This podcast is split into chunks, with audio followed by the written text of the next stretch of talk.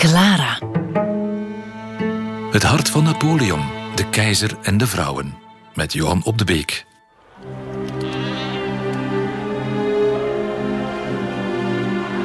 We zijn eh, op Sint Helena, dat zwarte vulkaaneiland in de Stille Oceaan. Het is al diep in de jaren 1820. Napoleon uh, is verbannen en leeft daar in uh, eenzaamheid samen met een paar getrouwen. En het is zeven uur in de ochtend. Hoog in de lucht, de klagende kreten van de albatros en de Sint Helena plevier. Het is het krikken van de dag. En we weten het van zijn trouwe knecht Louis-Joseph Marchand, die elke dag daar de luiken gaat open want Napoleon kan niet tegen het daglicht, het is veel te fel. En wat ziet daar buiten? Alleen wat stofwolken en wat rotsen. En Marchand sluipt dat vertrek binnen op kousenvoeten. Als hij maar weer geen slechte nacht heeft gehad, mijn baas, denkt hij. En daar ziet hij hem zitten, de ogen, ja, dof, maar wel wijd open gesperd met zo'n vette haarlok in plaats van die prachtige golvende haren van vroeger. En... Uh, Marchand beseft onmiddellijk dat er iets aan de hand is. Hij heeft weer zijn zoveelste nachtmerrie gehad. En uh, Napoleon, uh, Napoleon uh, die bekijkt hem en die zegt met, met zijn blik op het onzichtbare, zoals Marchand dat gezegd heeft.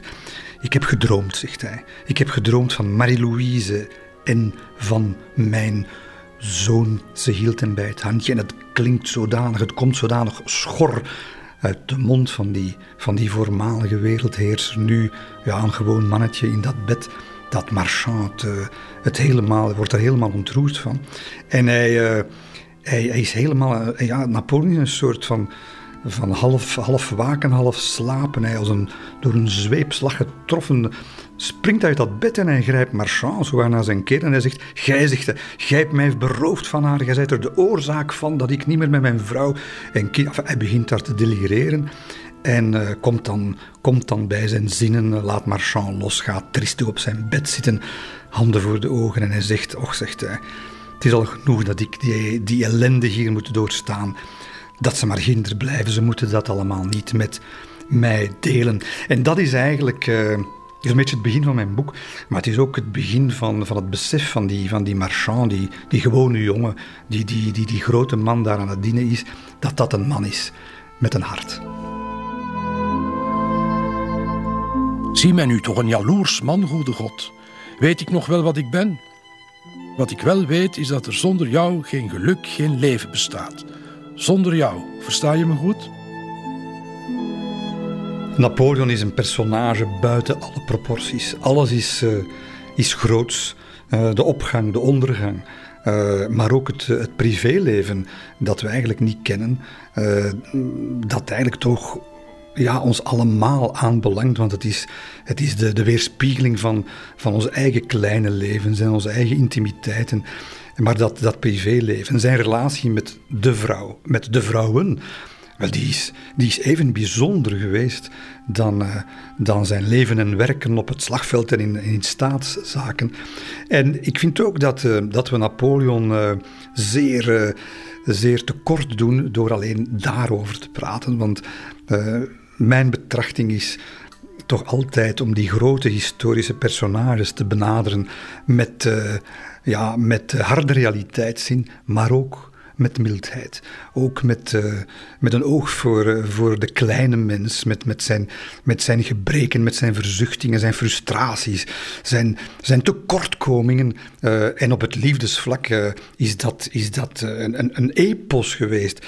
De correspondentie die, die Napoleon gevoerd heeft. Ik heb. Ik heb uh, waarschijnlijk honderden brieven gelezen tussen Napoleon en Josephine, de grote Josephine, de onderschatte Josephine. Die correspondentie, dat is, dat is, dat zijn, dat is het beste liefdesproza dat er in de 19e eeuw geschreven is en misschien sinds Petrarca geschreven is. Dat is beklijvend, dat is, uh, het is ontluisterend tegelijkertijd, het is ontroerend en, en op bepaalde momenten kun je niet anders zeggen dan uh, hier, hier wordt mij de spiegel voorgehouden. Want de momenten van, van, van verliefde ontreddering die die man meemaakt, en zij ook trouwens, Wel, dat zijn momenten die wij allemaal in ons leven hebben gekend. Morgen vertrek ik naar Ancona en dan naar Rimini, Ravenna en Bologna. Geen woord krijg ik van je, bon Dieu, wat heb ik je toch misdaan? Jij aan wie de natuur zoveel verstand, zachtmoedigheid en schoonheid heeft geschonken. Jij die als enige alleen mijn hart kan vervullen. Jij die al licht maar al te goed weet welke macht je over me hebt. Schrijf me, alsjeblieft. Denk aan me, hou van me. Pour la vie, tout à toi, Napoleon.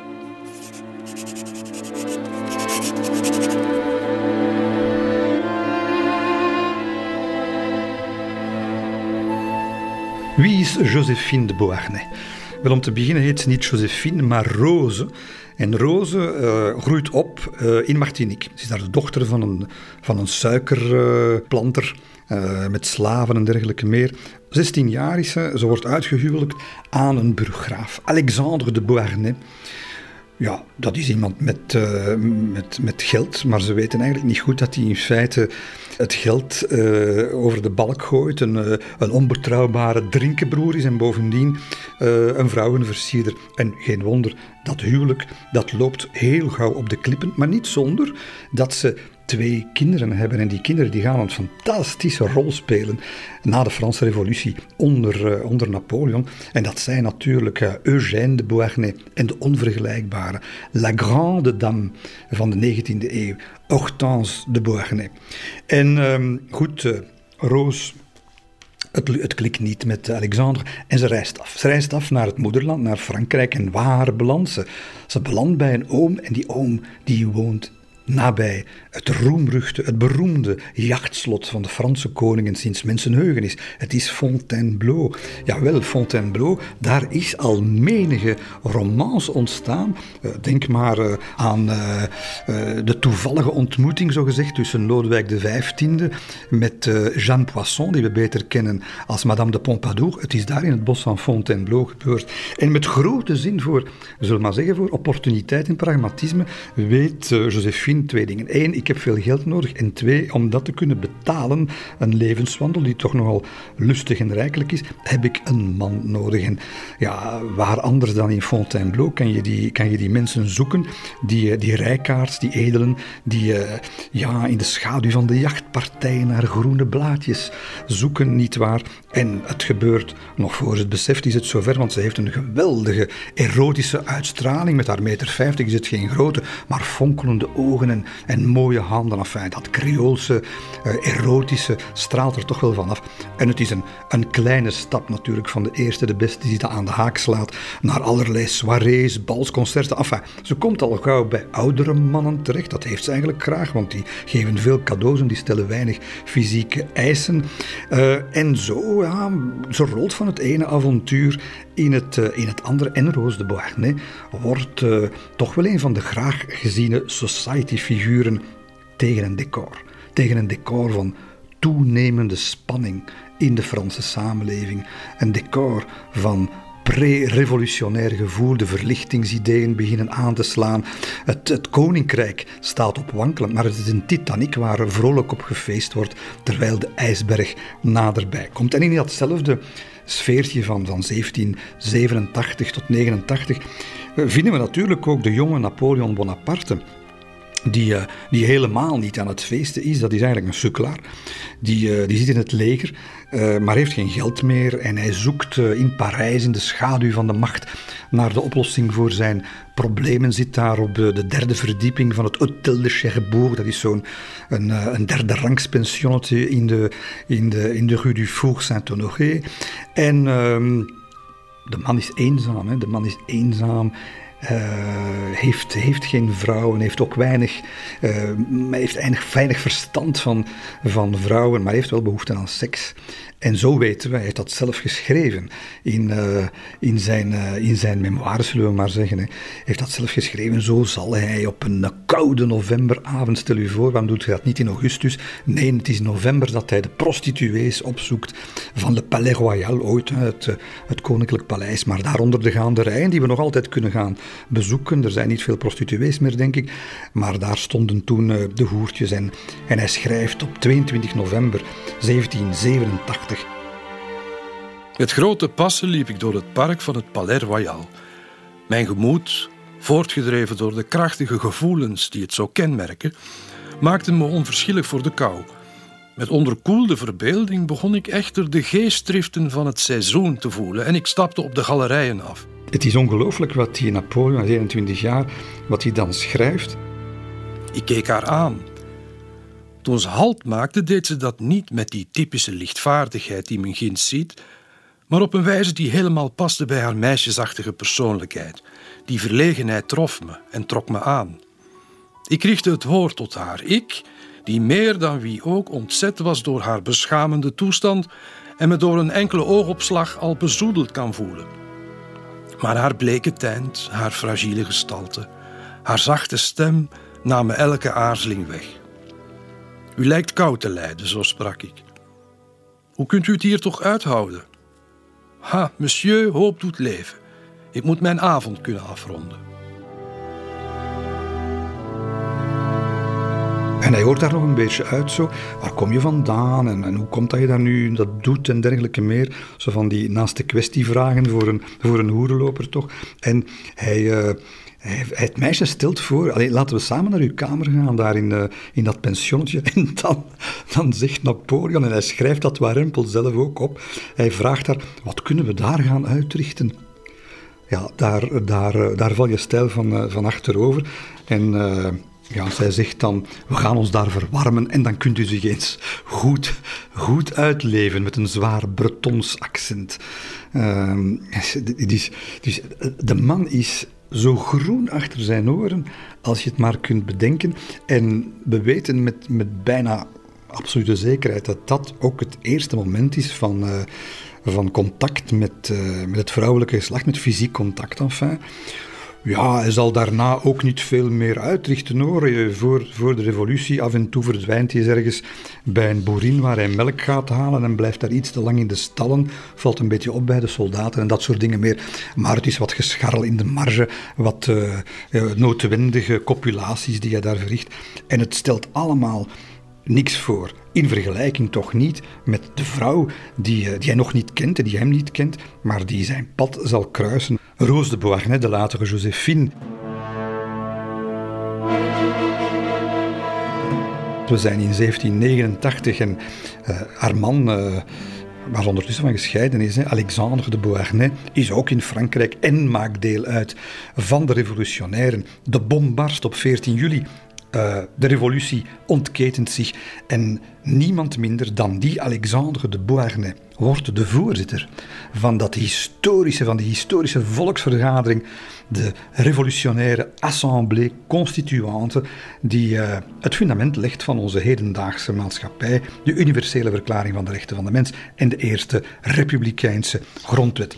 Betekent dat uh, Roos, dat meisje uit Martinique, dat ze eigenlijk uh, in zeer onzekere tijden, maar toch in de elite, in de republikeinse elite belandt. Ze leert daar fantastische mannen kennen, Lafayette, La Rochefoucauld uh, en dergelijke meer. Ze betrekt een riante woning in de rue Saint-Dominique, die je nog altijd uh, in, je kunt gaan bezoeken in Parijs. En ja, ondanks het feit dat die revolutie natuurlijk gericht is tegen de adel, waar zij deel van uitmaakt, blijven de mensen toch nog een beetje hun gang gaan. Hè. Eh, er is wel volkswoede en er is wat geweld op straat, maar uh, zij amuseert zich. Hè. Bijvoorbeeld in de residentie van de Prins de Salm, een goede, een goede vriend. In kuikengele en lavendelblauwe jurken gaat ze daar naartoe. men is daar geacht natuurlijk op op last van het revolutionaire bewind om elkaar aan te spreken met citoyen en citoyenne, maar dat doet men niet. Hè. Zij is nog altijd de voormalige burggravin en dergelijke meer. Het uh, gaat van kwaad naar erger. Je begint te zien dat de edelen uh, emigreren naar het buitenland. Het regime verstrakt. De jacht eigenlijk op, de, op de, de leden van het voormalige ancien regime neemt gestaag toe hooggeplaatste aristocraten vluchten naar het buitenland. En je zou dan zeggen, Rose de Beauharnais, die toch bij de geviseerden hoort, die, die trekt daar haar lessen uit en die dikt zich in, maar zoals later een van haar hofdames zal zeggen, uh, alles wat uh, abstract was, bevatte ze niet. En politieke ideeën, ja, het is lelijk om te zeggen, maar ze snapten het niet. En ze voelt dat het wel, want ze hoort over depressies en mensen die niet meer kunnen slapen van de angst. Zij zweeft daarboven met een, met een bewonderenswaardige luchthartigheid in feite. En ze, ze verstopt zich niet. En ze begint daardoor natuurlijk stilletjes aan meer en meer in het oog te lopen van het regime. Op het moment dat uh, de sansculotten met afgehaakte mensenhoofden door de stad uh, gaan, dat de guillotine van Robespierre begint uh, te vallen en er duizenden aristocraten en tegenstanders van de republiek worden geëxecuteerd, dan pas, dan pas realiseert ze zich dat er groot gevaar dreigt. En wel omdat op een dag uh, er, een, een, uh, een schok werkelijk plaatsvindt in haar leven. En dat is het bericht dat haar ex-man, Alexander de Beauharnais, nota bene generaal in het revolutionaire leger, zelf gearresteerd is. En in die vreselijke gevangenis, die politieke gevangenis van Le Carme, is opgesloten. En daar kom je alleen buiten om naar de guillotine te gaan. En vanaf dat moment beseft ze dat ze dat ze zelf ook uh, niet veel dagen meer heeft. En je zou dan denken dat, dat die wat, wat, ja, wat lichtvoetige Josephine, ze heet nog Roze, niet te vergeten, dat die licht, lichtvoetige Roze, dat die dan, uh, dan denkt van zoek het maar uit en ik, ik hou me gedijst. En, en dat zegt veel over het karakter, ook van haar, van haar voor haar later leven van Roos de Beauharnais, dat ze het omgekeerde doet. Zij gaat al haar connecties, en dat zijn belangrijke bankiers, politici, aanschrijven om steun te zoeken voor die ex-echtgenoot van haar. En zelfs gaat ze zo ver om een brief te schrijven naar Robespierre. Stel u voor, je kunt, dit is een sollicitatie voor de guillotine. Robespierre zeggen, laat mijn man vrij, want dat is onterecht. En dat is moedig. En die moed, die zal ze op een bepaald moment bekopen in een, in een stad die vergaat stijf staat van de angst. En zo komt het dat uh, in april 1793, uh, op, een, uh, op een mooie ochtend, het was, het was prachtig weer, dat ze uit haar slaap wordt gewekt met haar hondje Fortuné in de armen en hard gebons op de voordeur in die Rue Dominique. Haar meid gaat openmaken. De sansculotten staan voor de deur. Roos mag nog een paar toiletartikeltjes bij elkaar harken en moet te voet met bevende knieën door de straten van uh, La Rive Gauche uh, in Parijs stappen. En ze zegt dan later: Ik zag in de Rue de Grenelle, die we allemaal kennen, hè, die prachtige straat. Ik zag in de Rue de Grenelle uh, de aankondiging van een stralende lentedag. Maar het was niet voor mij.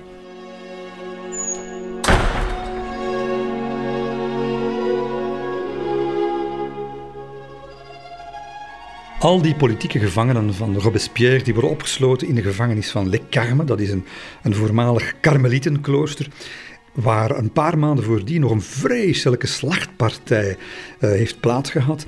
En de bloedsporen, nou, niemand heeft de moeite gedaan om ze, om ze weg te wissen. Uh, als uh, Roos daar binnenkomt, dan, dan ziet ze de, de, de rode, de roodbruine handafdrukken op de muren die nog getuigen van, van, van, de, van, de, ja, van de laatste momenten van, van wanhopige slachtoffers. En ze ziet daar, ze komt daar in die gevangenissen oude bekenden tegen, de mensen die ze vroeger in betere tijden, enfin, betere tijden, wat heet, dat gaat over een, een jaar geleden, een paar maanden geleden, op prachtige recepties in, in schitterende residenties heeft ontmoet. Uh, Grace Elliot, de Engelse minares van de hertog van Orléans, of de, de hertogin. Al dat chic volk zit daar bij elkaar in die gevangenis.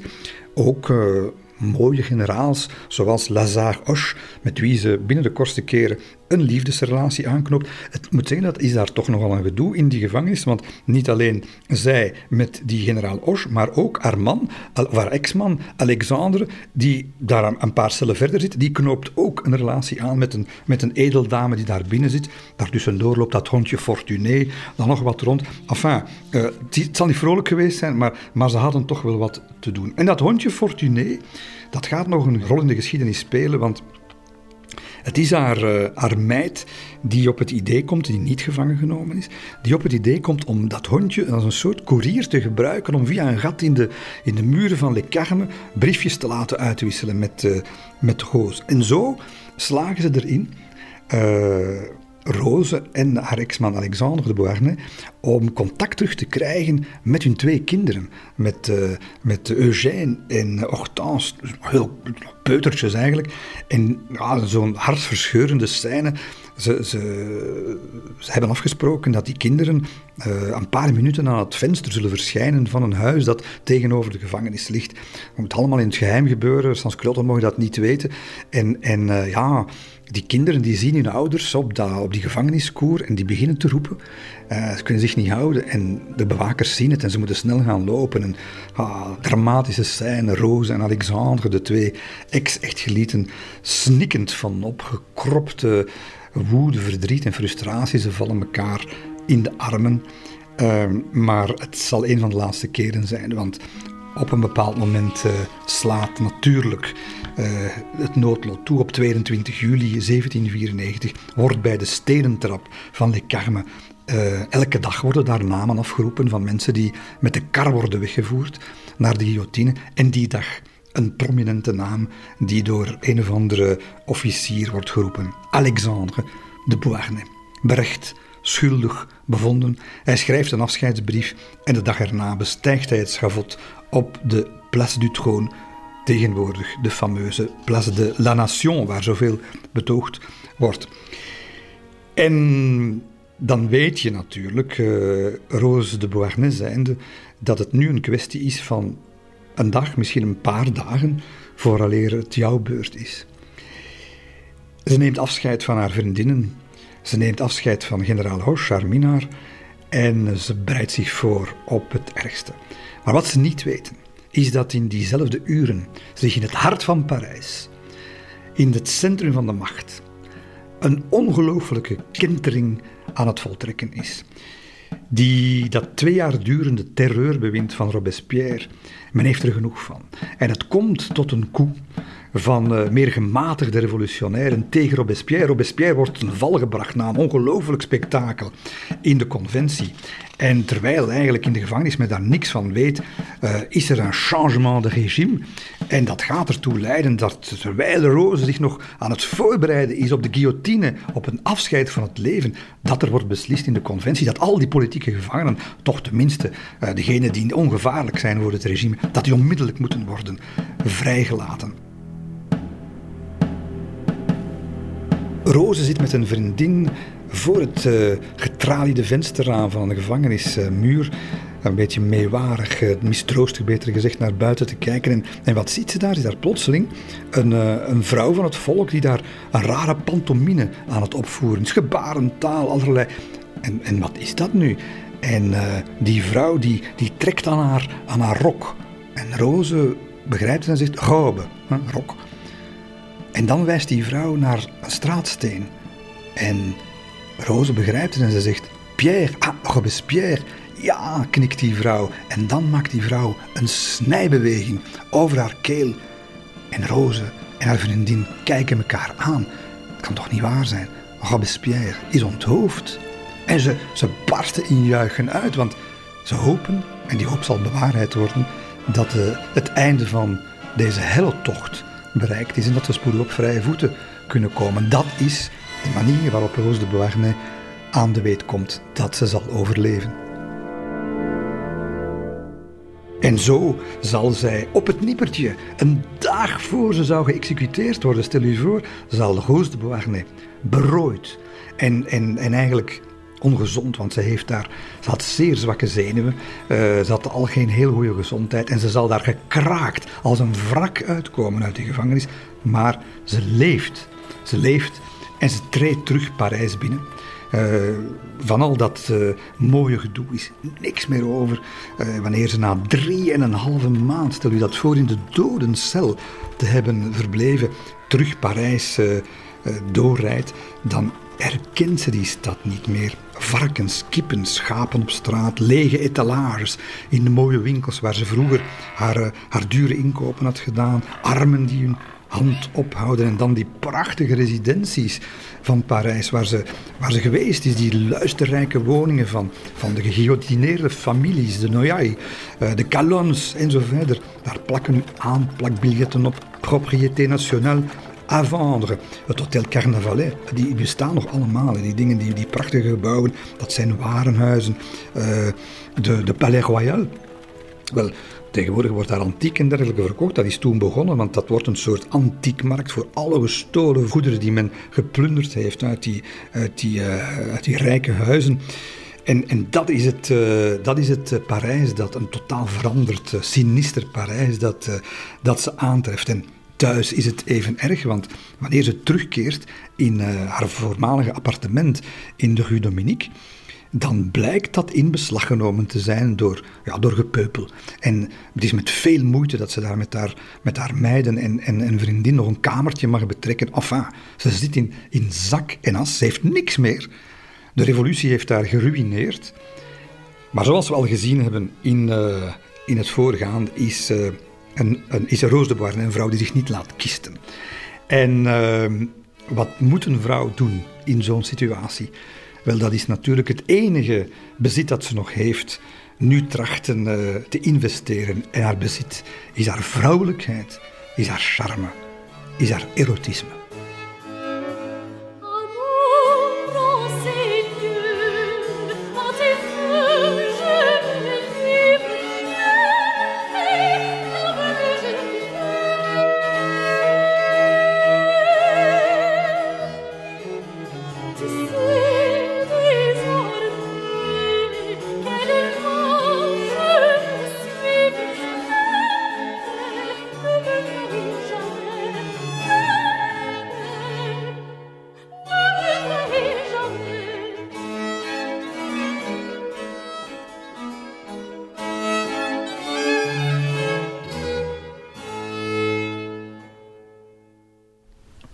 Na een uh, grote crisis, dat is na een oorlog zo, dat was bij ons ook na de, na de oorlog zo, dan, dan, dan willen de mensen leven. Dan willen de mensen vrij zijn, zich amuseren, de miserie achter zich laten. En, en Parijs zal heel snel uh, uit zijn as, zal ik maar zeggen, opstaan. En, en het, wordt, het wordt feest. Uh, Overal zie je eigenlijk de mensen die het zich kunnen permitteren en ook diegenen die dat niet kunnen, die beginnen ja van het leven een feest te maken. En, en uh, het, is, het is vrijheid alom. Ook seksuele vrijheid. Ook vrijheid voor, voor vrouwen. Uh, de, de, de meterswijde hoepelrokken van vroeger met de vastgestoerde corsetten, dat, dat laat men aan de kant. In de plaats komen barretten, tulbanden, uh, doorzichtige mousseline jurken met corsages, uitgesneden, eindeloos uitgesneden decolletés en dat soort dingen. De haartooi is los en, en vrij. Um, en, en het, het, is, het is zo tekenend voor het Parijs van die, die nadagen van, uh, van, van de terreur, dat, dat er overal bals worden georganiseerd. Bijna elke dag kan je naar een, naar een bal gaan. En dat zijn de plekken waar je moet zijn als je een man zoekt. Dat is natuurlijk wat, wat Roos de Beauharnais absoluut moet doen. en gelukkig is ze niet alleen. Ze is bevriend met wat waarschijnlijk op dat moment de mooiste vrouw van Parijs is. Uh, die met het grootste seksappeal, en dat kan al wat zeggen, want Roos was ook niet mis. Maar dat is natuurlijk uh, Theresia Tallien, de vrouw van een, van een rijke bankier en, en ex-revolutionair ook. En onder hun beiden gaan ze eigenlijk een, een groep uh, vormen uh, van, van jonge, vrijgevochten, knappe dames die, uh, ja, die, door, die, door, die door Parijs flaneren, die de remmen loslaten, die graag opvallen, die de, de goede gemeente chockeren met, met halfnaakte, met doorzichtige gewaden langs de Champs-Élysées te flaneren en dergelijke meer. Enfin, we moeten er geen tekening bij maken. En die groep die krijgt een naam, die krijgt een, een, een, een roepnaam, een geuzennaam. En dat is Le Merveilleuse. Dat worden naast Rose de Beauharnais en Thérèse Talien bankiersvrouwen zoals Fortuné Hamelin, Juliette Recamier, Elise Lange, een actrice. En dat soort, dat soort figuren. Juliette Recamier, niet te versmaden, haar slaapkamer was naar verluid de, de mooiste van, van, van Frankrijk. En het is Chateaubriand die dan al rondloopt, die, die zegt van uh, die, die Juliette Recamier, die, die gedraagt zich als maagd en minares in één persoon. En hij kon het weten, want uh, Chateaubriand heeft jarenlang als een eigen circuspaard rond uh, een van die merveilleuses gecirkeld. Nu, in die, in die intieme kring rond, rond de merveilleuses bevinden zich mannen. En mannen met macht, mannen met geld. Dat kunnen aristocraten zijn, bankroete aristocraten natuurlijk, maar ook rijke handelaars die het leger bevoorraden en tegelijkertijd oplichten. Dat zijn de jonge ambitieuze generaals van het leger. En daaronder, wie bevinden zich daaronder? Hoche natuurlijk, mannen als Bernadotte en een zekere Bonaparte. Bonaparte die, uh, die zijn eigen verhaal heeft. Want terwijl Roos de Beauharnais absoluut een man moet hebben, een man met geld en aanzien, uh, ja, wil, wil Bonaparte eigenlijk hetzelfde. Bonaparte die, uh, die wil opgenomen worden in, uh, in de elite. Waarom? Wel, hij, hij staat aan de kant. Hij, hij, heeft, heeft nauwelijks iets in de pap te brokken. En heeft geen geld. De familie Bonaparte is op dat moment straatarm. En Bonaparte wil zich sociaal gezien hogerop werken. En hij ziet uh, in het leger nog nauwelijks kansen op dat moment. En hij, zegt, ja, ik, ik, ik, moet een vrouw hebben. En hij, hij probeert zich te infiltreren in die, in die, in die kringen. Maar de concurrentie is, is veel te sterk. Hij, uh, hij kan absoluut niet op tegen veel belangrijker figuren. De meest in het oog springende prooi uit die tijd, dat is natuurlijk uh, de man die eigenlijk Robespierre, uh, of een van de aanstichters toch, die Robespierre uit het zadel hebben gelicht, en dat is Paul Baga. Een van de sterke mannen. Uh, een man trouwens van wie bekend was dat hij bijzonder gesteld was op sensuele creaturen, van welk geslacht dan ook, zullen we maar zeggen. Uh, en in ruil voor uh, geschenken en faveurtjes zorgt, zorgt, zorgt men dan voor vertier. Het is een, een, een gewiekste kerel, charismatisch, arglistig, vastberaden. Iemand zegt hij bezat alle ondeugden van een koning, maar niet één van diens deugden. Dus je kunt al denken. En dus deze, deze enthousiaste beoefenaar van de vrije liefde laat natuurlijk zijn oog vallen op uh, het, de mooiste van allemaal, Theresia Talien. Maar ja, die is wel de seksbom bij uitstek, maar die laat zich niet zomaar pakken. En omdat ze zich niet laat verleiden, valt zijn oog uiteindelijk toch wel op de vriendin van Theresia. En dat is Roos de Beauharnais. En die twee die gaan, uh, die gaan uh, ja, Roos kan zich niks beter dromen dan Paul Barin, de sterke man.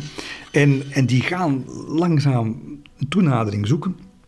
En het is uiteindelijk Thérèse Talien die op een, op een dag uh, zal zorgen dat er op een één groot feest bij haar thuis in La Chaumière, dat is eigenlijk het summum van het uh, Parijse uitgangsleven, dat daar de ontmoeting zal plaatsvinden tussen die Paul Barin en, uh, en, en Rose, haar vriendin. Weken, weken is ze daarmee bezig. Hè? Dus de, er worden kleren vervaardigd, dan weer weggegooid, andere haartooi en zo verder. Ze, ze, ze maakt zichzelf tot een, tot een, een toonbeeld van, van het beste wat de Parijse vrouw op dat moment kan zijn. Ze gaat naar die receptie en daar uh, zit ze dan. Er is een, scène natuurlijk uh, die meewaar is een beetje. Ze zit daar uren te wachten op het doelwit Paul Baga, die natuurlijk op zich laat wachten. Terwijl ondertussen uh, wat operagezang en wat vleugelpiano klinkt, zitten Talien en, en de Beauharnais met, hun, met hun vingers te draaien. En hij uiteindelijk stapt hij de zaal binnen. Een brok sarcasme, zelfverzekerdheid en brutale macht. En ze ze draait zich om en ze doet alsof uh, het een toevallige ontmoeting is. Ah, monsieur, wat een blijde verrassing dat u hier ook bent. En die, die Bara, die kijkt daar in de ogen. Bara, een man die uh, het vrouwelijk geslacht uh, op alle man mogelijke manieren reeds verkend heeft en doorheeft. En in een, in een oogopslag weet hij van haar dat hij haar geveld kan krijgen. Maar zij weet hetzelfde. En er begint een, een heel speciale relatie uiteindelijk. Uh, hij beslist, ze wordt mijn maîtresse.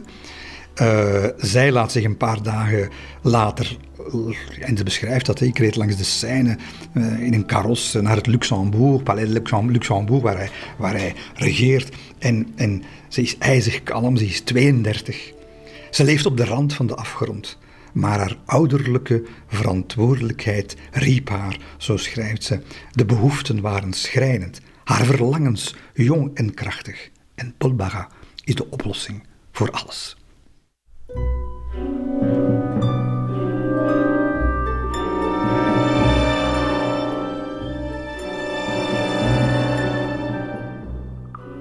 Roos de Beauharnais heeft wat ze wil. We zijn ondertussen in een, cruciaal jaar beland, 1795.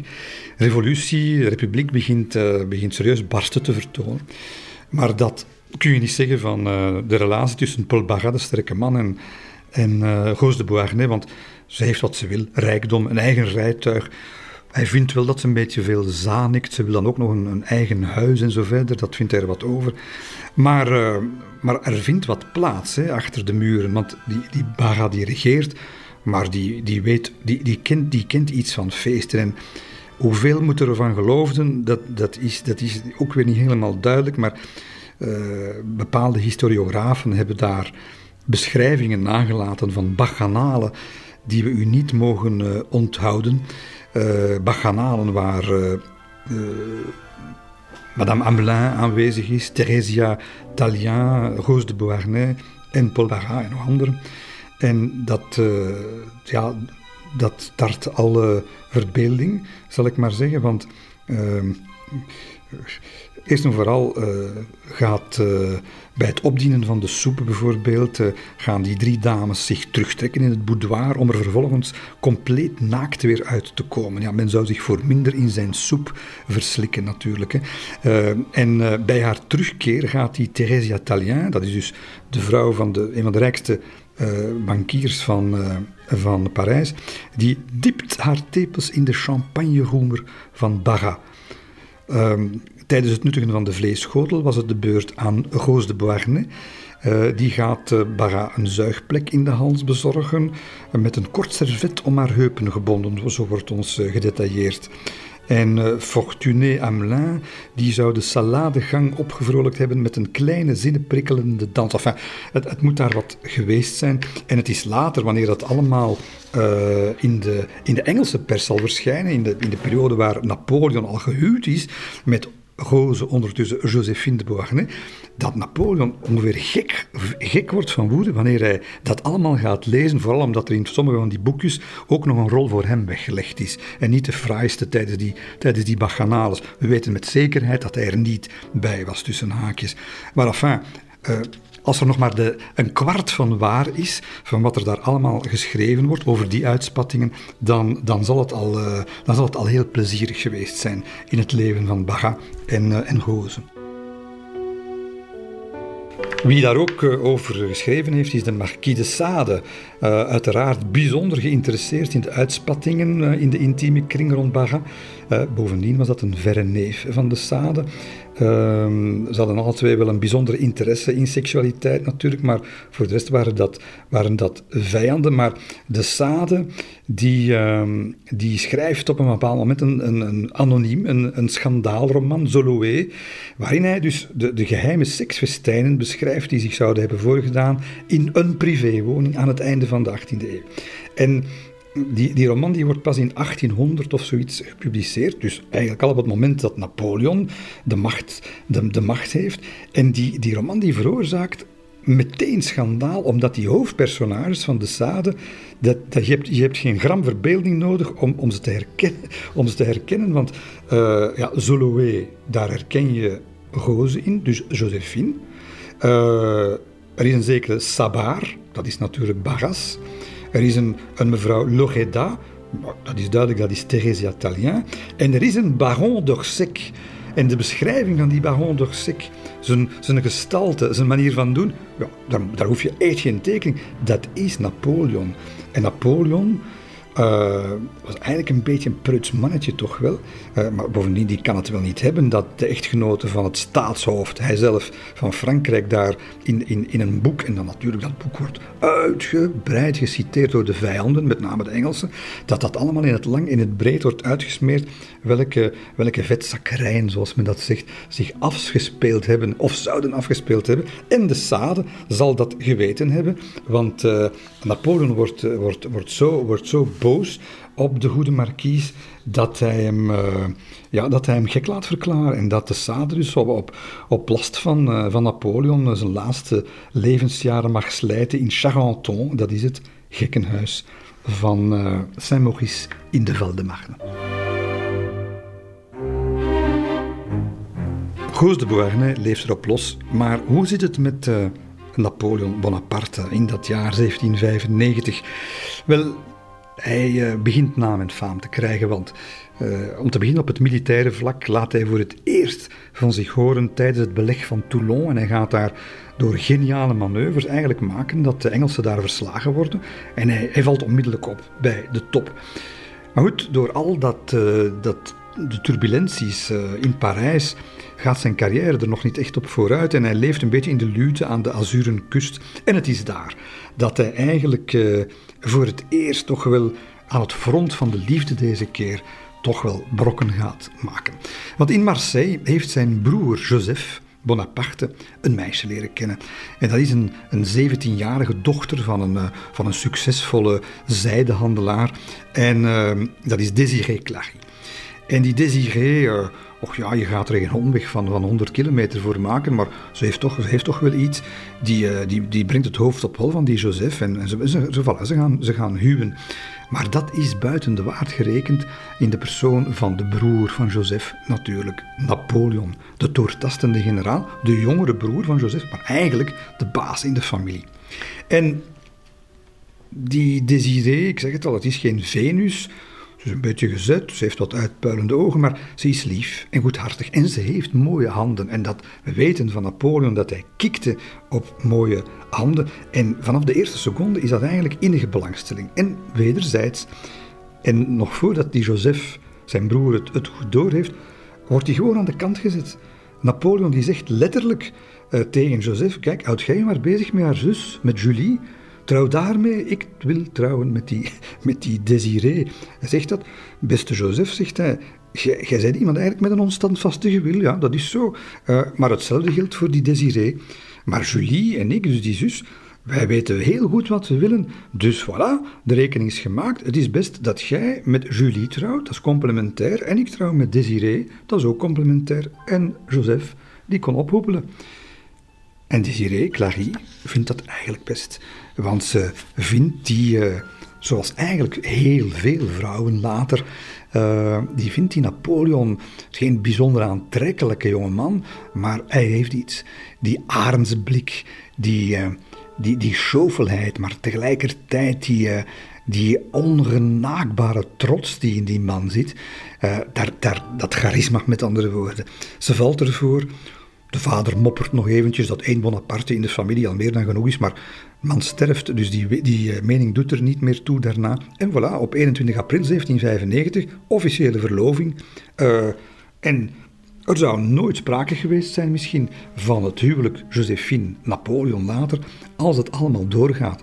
Maar uh, er komt een kink in de kabel in de vorm van een overplaatsingsbevel. Napoleon krijgt het bevel om eh, een opstand in de Vendée te gaan onderdrukken. Hij weigert dat, groot risico, en hij zegt: Ik kan maar één ding nu doen, en dat is als ik niet wil flirten met, met de gewisse ondergang, dan moet ik nu naar Parijs om daar orde op zaken te gaan stellen en, en uit te leggen waarom en zo verder en, en steun te gaan zoeken. En dus, hij vertrekt opnieuw naar, uh, naar Parijs, laat Désiré achter. Hij, uh, ja, een, een arme zullen we hem maar noemen. Uh, in en rond het regeringsgebouw, en hij ziet dat ook, pracht en praal, als vanouds, hè, kostuums van zijde en brokaat en gepluimde hoeden en zo verder. Maar als hij zich in een winkelruit weerspiegeld ziet, dan ziet hij alleen maar een schooier. En hij leert eigenlijk uh, de, de zelfkant van, van Parijs kennen. Het is overleven wat hij daar doet in een klein, schraal kamertje. Een graadmager mannetje. Dat is, uh, dat is Napoleon. Een mannetje dat zijn uniform nauwelijks kan herstellen, want hij heeft geen geld. Lange zwarte haren die op zijn, op zijn schedel plakken. Een wit-geel gezicht, ingevallen wangen waaraan je kan zien hoe karig zijn maaltijden zijn. Enfin, het, het, gaat niet goed met hem. Hij schrijft ook een brief aan, uh, aan zijn broer, een, een, dramatische brief schrijft hij aan Joseph, waarin hij eigenlijk bijna zegt met zoveel woorden dat hij op het punt staat om, om er een eind aan te maken. Zo depressief wordt hij. En meer dan ooit wil hij, wil hij zijn plaats veroveren, uh, wanneer hij zich terug een beetje herpakt. En die plaats, waar is dat? Wel, dat is toch in een, in, een, in een bijzonder kader dat het zich allemaal af zal spelen, want het zijn de fameuze salons de salons van Parijs, waar de verlichting is ontstaan, waar Diderot, Olbach, Voltaire en zo verder gediscussieerd hebben. En, en die traditie is blijven, blijven bestaan doorheen de, de revolutie, waar de vooraanstaanden eigenlijk, en je komt alleen binnen op uitnodiging, elkaar, elkaar treffen onder kroonluchters en bediend door lakeien en zo verder. Men bediscussieert daar de nieuwste toneelstukken, de nieuwe romans, men blinkt uit in welsprekendheid en, en dergelijke meer. En, en daar moet je op het gastenlijstje zien te geraken. Hè. Zijn dames als Julie Talma, uh, Le Regnault de Saint-Jean d'Angély, Juliette Recamier, vriendin van Roos de Beauharnais. Uh, je moet daar kunnen meepraten over Mozart en, en Voltaire, of je komt er niet binnen. En Bonaparte moet daarin geraken en, en hij gaat daar ook wel heel moeilijk maar in slagen. Want stel je voor, het is een Corsicaan, spreekt nauwelijks Frans in dat elitaire Parijs. Er wordt eigenlijk gelachen met zijn belabberde taal. Die man die pas op zijn negende Frans heeft, uh, heeft leren spreken. En hij wordt eigenlijk, hij voelt zich ook niet aanvaard door, uh, door die elite. En dus opnieuw die impuls van die, van die Bonaparte om omdat, ja, door dat gevoel dat hij genegeerd wordt, die impuls om, om een huwelijk met een vooraanstaande vrouw uh, af te sluiten. Hij gaat even te raden bij Madame Permont, Corsicaanse, die, eh, die een stuk ouder is dan hij. Maar je voelt dan dat hij, dat hij niet weet hoe hij zo'n dingen moet aanpakken. Want wat, wat lees je in de memoires van die Permont, zeg wel. Hij, uh, hij gaat daar verschillende keren op bezoek. Maar als hij dan binnenkomt en zijn benen voor het haardvuur mag uitstrekken, dan loopt die madame Permont van, af, van afgrijzen weg, want, want hij stinkt. Zijn, zijn, zijn, natte legerlaarzen, die hij natuurlijk niet gekuist heeft, die, die, die verspreiden een onwelriekende geur. Het is pas als de meid hem vertelt, zeg beste vriend, je moet, je moet eigenlijk je laarzen poetsen, want anders is dat toch niet fijn, dat hij zich realiseert. En ja, daar staat hij met, met, met, met een boeketje viooltjes voor haar deur, met, met, een, met een huwelijksaanzoek. Zo ongebruikelijk was het dat we allemaal in lachen uitbarsten, vertelt de dochter van, uh, van Permont. Je kunt al denken, uh, dat is niet goed voor zijn ego. hij is niet bedreven in de verleidingskunst, onze Napoleon, want ook de belangstelling gaat hij verkwanselen van een burggravin, Victorine de Chastenay, zeer snuggere vrouw. ook weer geïntrigeerd geraakt door die bijzondere persoonlijkheid die hij is. En, en ja, wat, wat constateer je dan? Hij moest echt toch in, in de les, wat een beetje les nemen hoor, die Napoleon. Ze gaan een dineetje hebben, het cruciale dineetje. Die vrouw gaat een Italiaans lied voor hem zingen en vraagt dan of hij haar uitspraak correct vindt. Hij kan dat weten, want hij is Corsicaan, dat lijkt daarop. En, en Napoleon zegt daar dodelijk non op. Dat is een beetje onbehouden en ja, dat, dat houdt geen stand evenmin geïnteresseerd Grace Elliot. Een madame die afkomstig uit Schotland, courtisane, uh, chique mevrouw. En op een dag maken ze een romantische wandeling. Het is weer een cruciaal moment door de tuinen van de Tuilerieën. Ja, en wat doe je dan als, als, als eh, toekomstige minnaar? Dan tracht je een gesprek te hebben over rozengeur in maneschijn. Maar dat is natuurlijk weer niet wat dat die Napoleon doet. Nee, het moet over politiek gaan bij hem.